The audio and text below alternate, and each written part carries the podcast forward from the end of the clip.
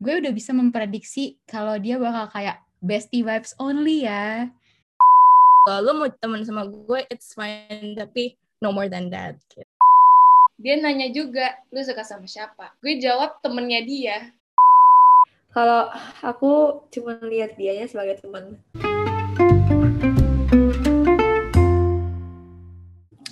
Eh, tes, tes, tes. Kayaknya gue ngerasa lebih dari temen deh sama dia. Terus gimana? Lu mau coba jujur ke dia? Ya, gak tahu. Bingung gue. Gue sebenarnya takut di friendzonin. Hai Spartans, welcome back to our podcast. Di podcast kita yang kali ini, kita ngebahas tentang apa ya?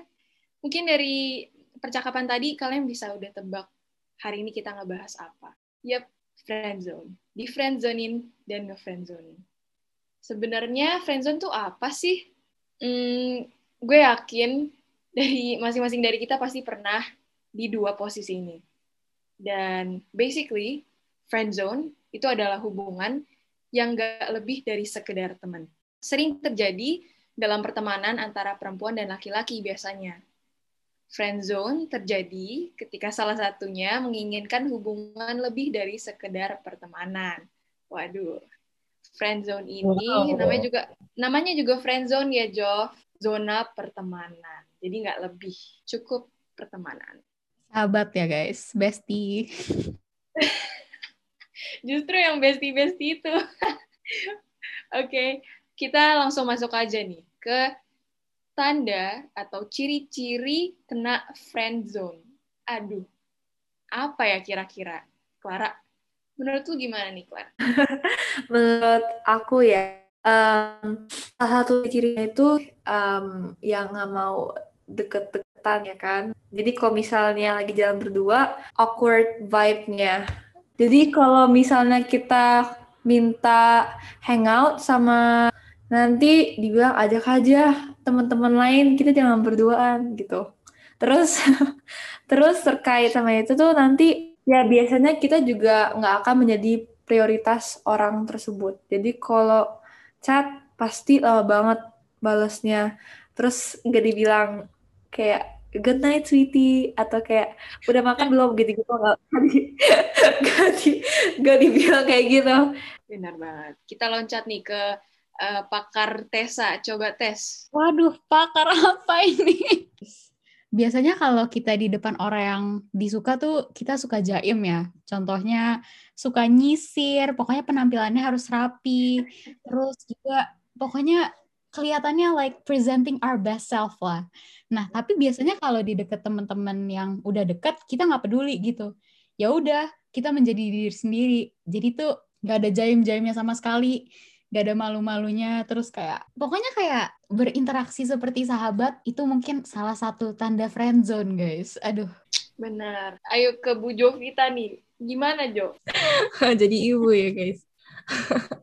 nih kalau kalau aku sih mikirnya itu kayak tadi kan nggak mau ya hangout berdua habis itu kayak vibe vibe-nya kayak best friend vibe only gitu nah kalau misalnya sampai gitu ya jalan berdua atau hangout berdua.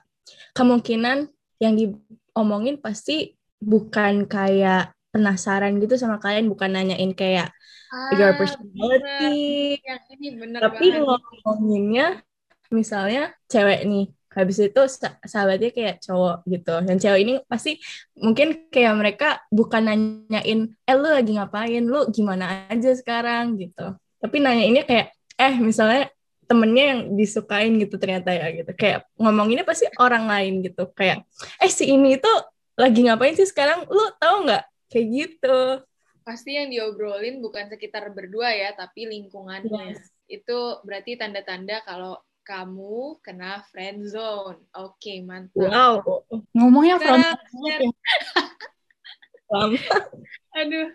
Sekarang kita lanjut nih ke tahapan yang paling seru yaitu menceritakan pengalaman pribadi nge-friendzonin dan di friendzonin. Kita mulai Jump guys.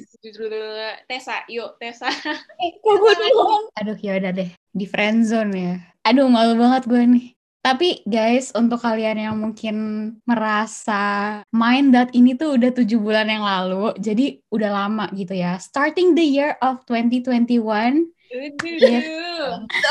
jadi tuh ada orang, ya dia orangnya asik, baik, charming gitu deh. Kita juga sering ngobrol dulu. Awalnya sih basa-basi doang ya, ngomongin yang serius-serius. Kayak awalnya tuh ngomongin tentang pelajaran, rekomendasi buku, film. Tapi lama-kelamaan bisa juga ngomongin tentang hal yang absurd. Kayak gimana sih ceritanya kalau manusia itu bertelur, atau kayak yang aneh-aneh deh pokoknya. Nah, tapi gue belum sempet pernah ngomong ke dia how I feel comfortable around him. Dia tuh orangnya kayak yang low key gitu hidupnya juga santuy. Jadi kayak before even knowing his reaction, gue udah bisa memprediksi kalau dia bakal kayak bestie vibes only ya. Sekarang sih udah gak ngobrol karena I'm trying to membatasi that interaction. Jadi ngobrolnya kalau perlu doang. Terus udah deh. Ah, jadi alasannya karena kamu udah ngeh gitu, wah ini kayaknya bestie vibes only nih.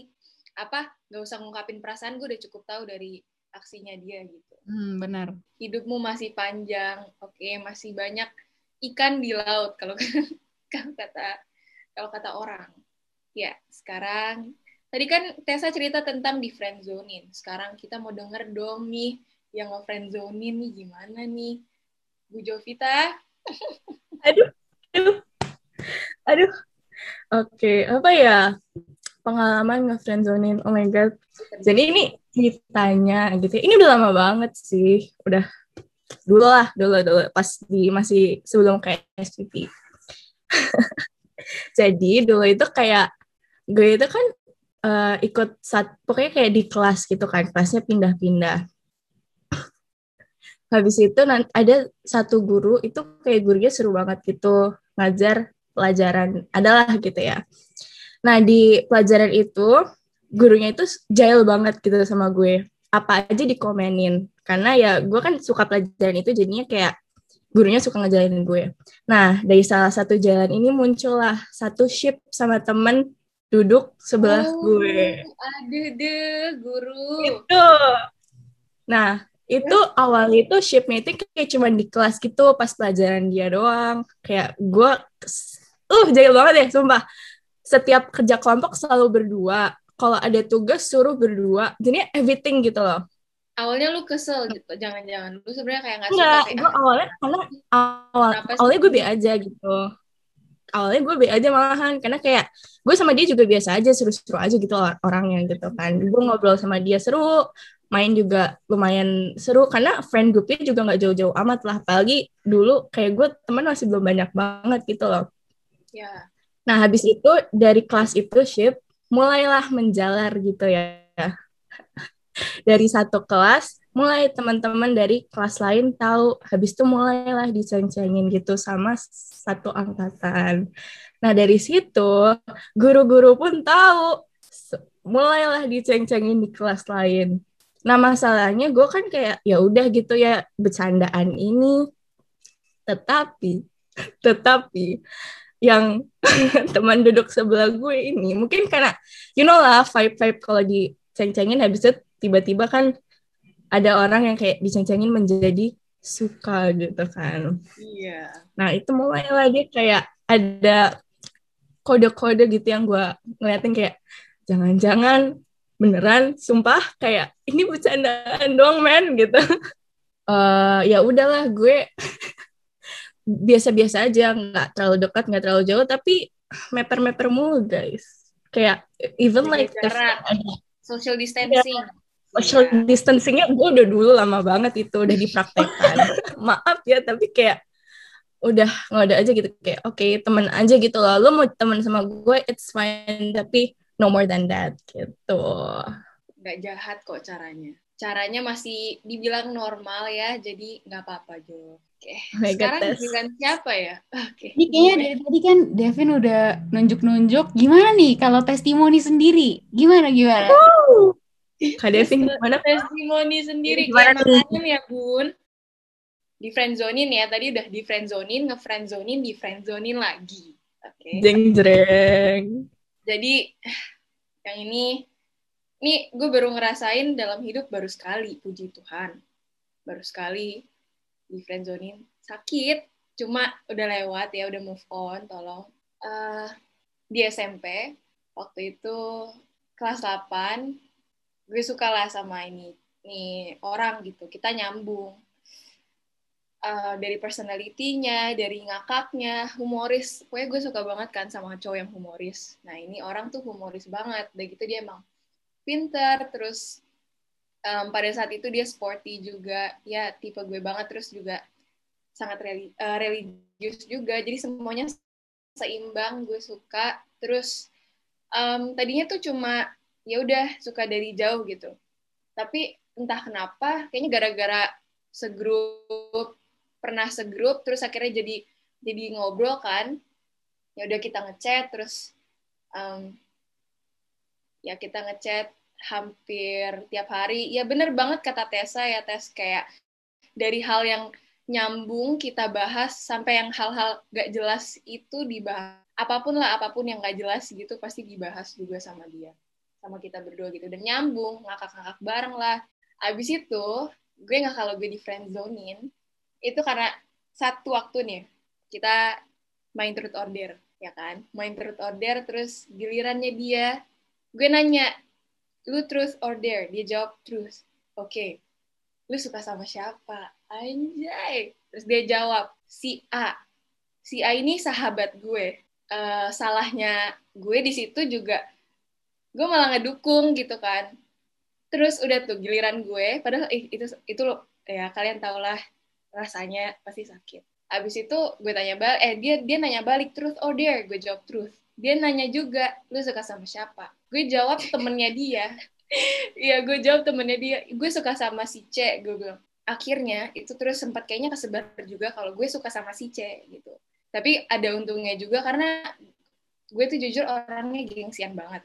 Jadi kayak ya udah um, biarin lah orang-orang taunya gue suka sama si C padahal sebenarnya gue sukanya sama dia gitu. Terus akhirnya ya udah kita masih chattingan masih seru-seruan di sekolah juga. Gue nggak bisa move on. Jadi bener-bener kalian tahu kan rasanya gimana? Kayak lu ngelihat dia tiap hari. Ya kadang juga kayak gak mau cuma kayak balik lagi rasa itu. Cuma kayak udah berusaha ignore tapi ada lagi sebenarnya di, di dalam lubuk hati yang terdalam. Terus ya udah.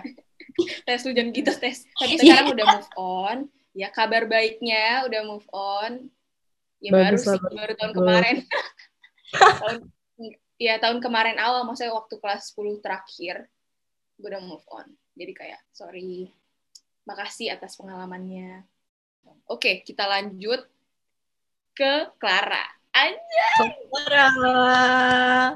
Let's go. Friendzonin, Clara. Jadi aku pernah friendzone oral. Um, ini kejadiannya udah dulu banget. Pokoknya aku lagi immersion trip uh, ke Jepang.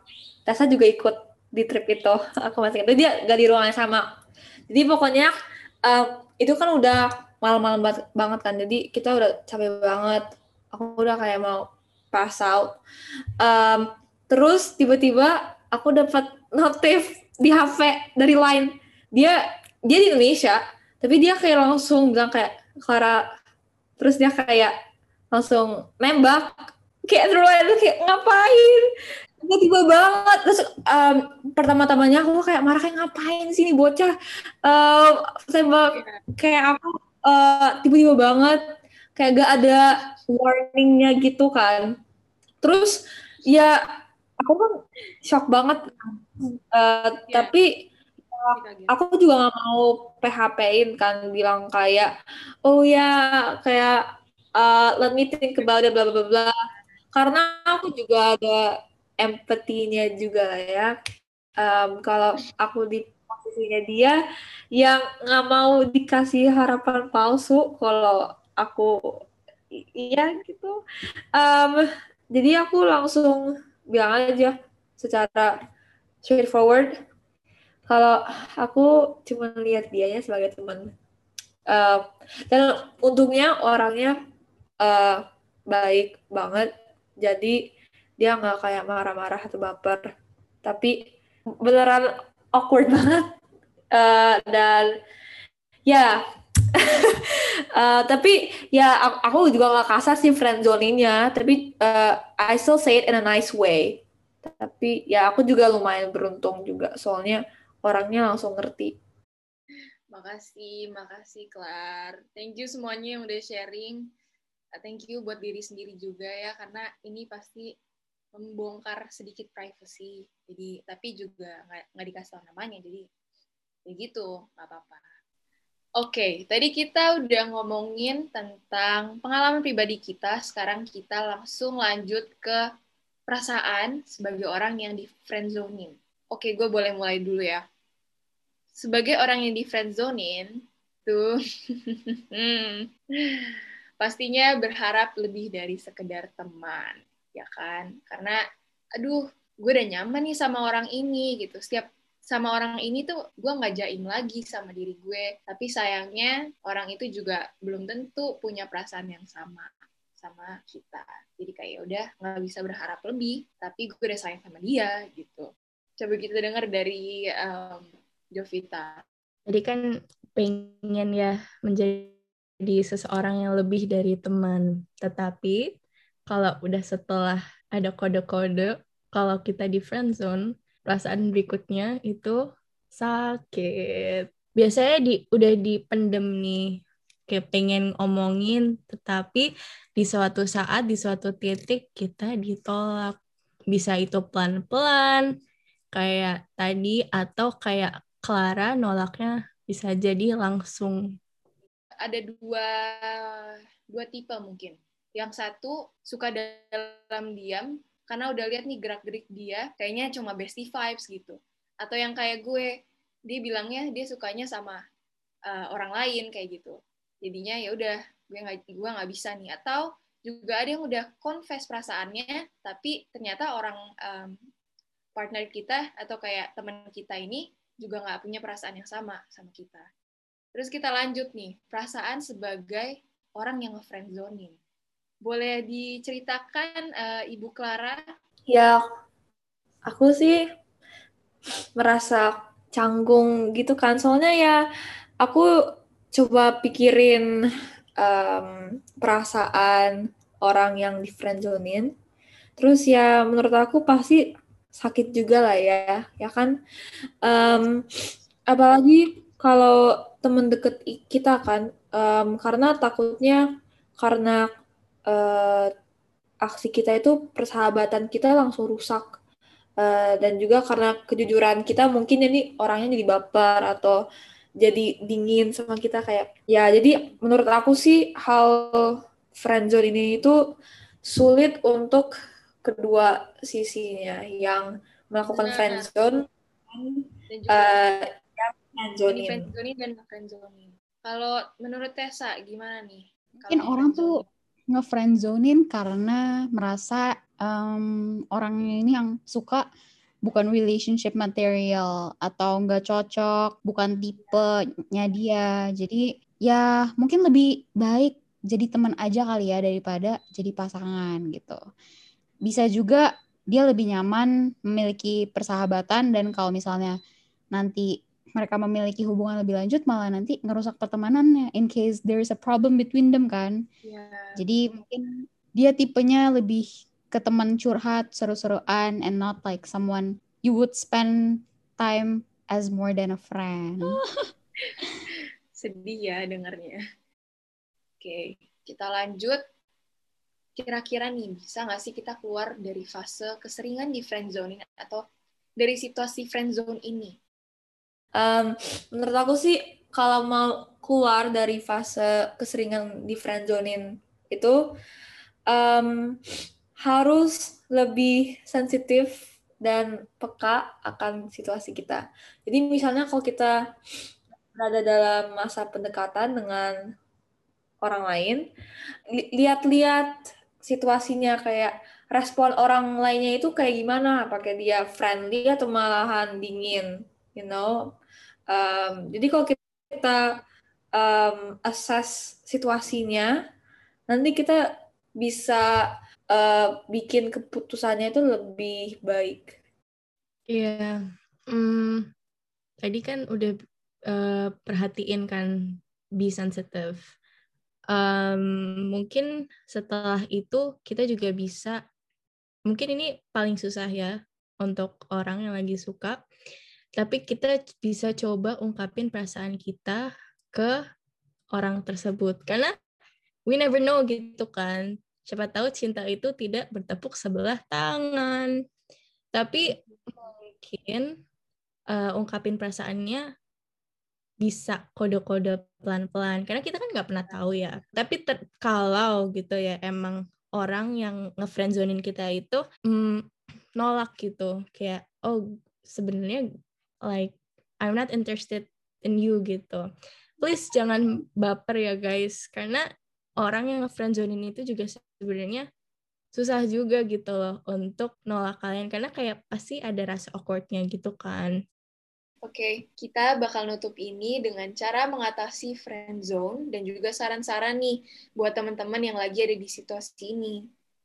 Buat orang yang nge-friend zonein, jangan kalian pasti udah mungkin udah sadar atau nge kalau teman kalian ini ternyata atau sahabat kalian ini, teman dekat kalian ini kayaknya punya perasaan lebih sama kalian. Nah, kalian jangan kasih harapan, jangan kasih perhatian yang berlebih ke orang ini. Kenapa? Karena dia bakal makin berharap sama kalian. Terus, buat yang di friendzonein, mungkin untuk mengganti uh, situasi ini atau merubah mengatasi situasi ini, kalian bisa jujur.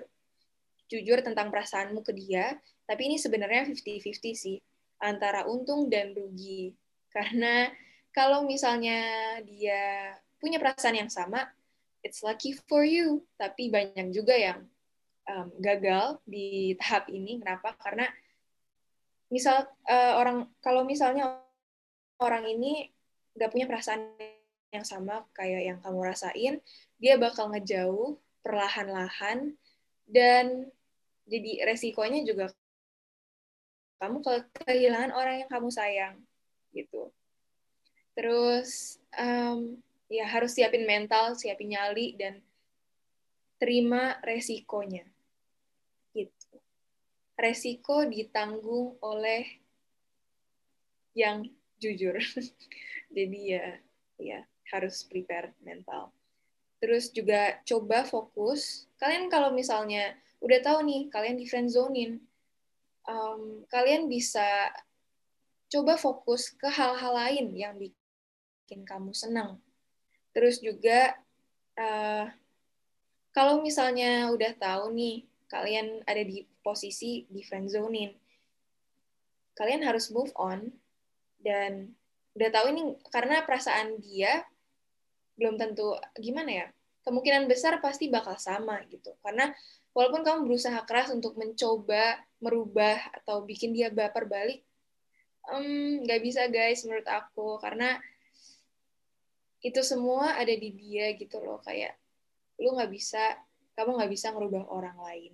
Yang bisa ngerubah orang lain ya dirinya sendiri. Jadi itu perasaannya dia dia yang tahu. Dan kalau misalnya dia pada perasaan pasti dia juga punya caranya sendiri mungkin untuk ngomong tapi jangan berharap kalau misalnya udah ditolak atau udah tahu lu di situasi di friend zonein mendingan lu move on dan gak usah buang-buang waktu untuk ngebucin sama orang atau kayak memberi perhatian lebih ke orang yang uh, sebenarnya dia nggak punya perasaan yang sama gitu jadi it's a wasting of time. Jadi mendingan move on dan ngelakuin hal-hal yang senang. Untuk podcast kali ini, kita sampai sini dulu aja ya. Semoga apa yang tadi kita udah bagikan ke kalian dapat bermanfaat dan juga tips dan saran untuk teman-teman yang lagi ada di situasi friend zone bisa ngebantu kalian juga untuk lebih kuat dan juga mengatasi situasi friend zone ini.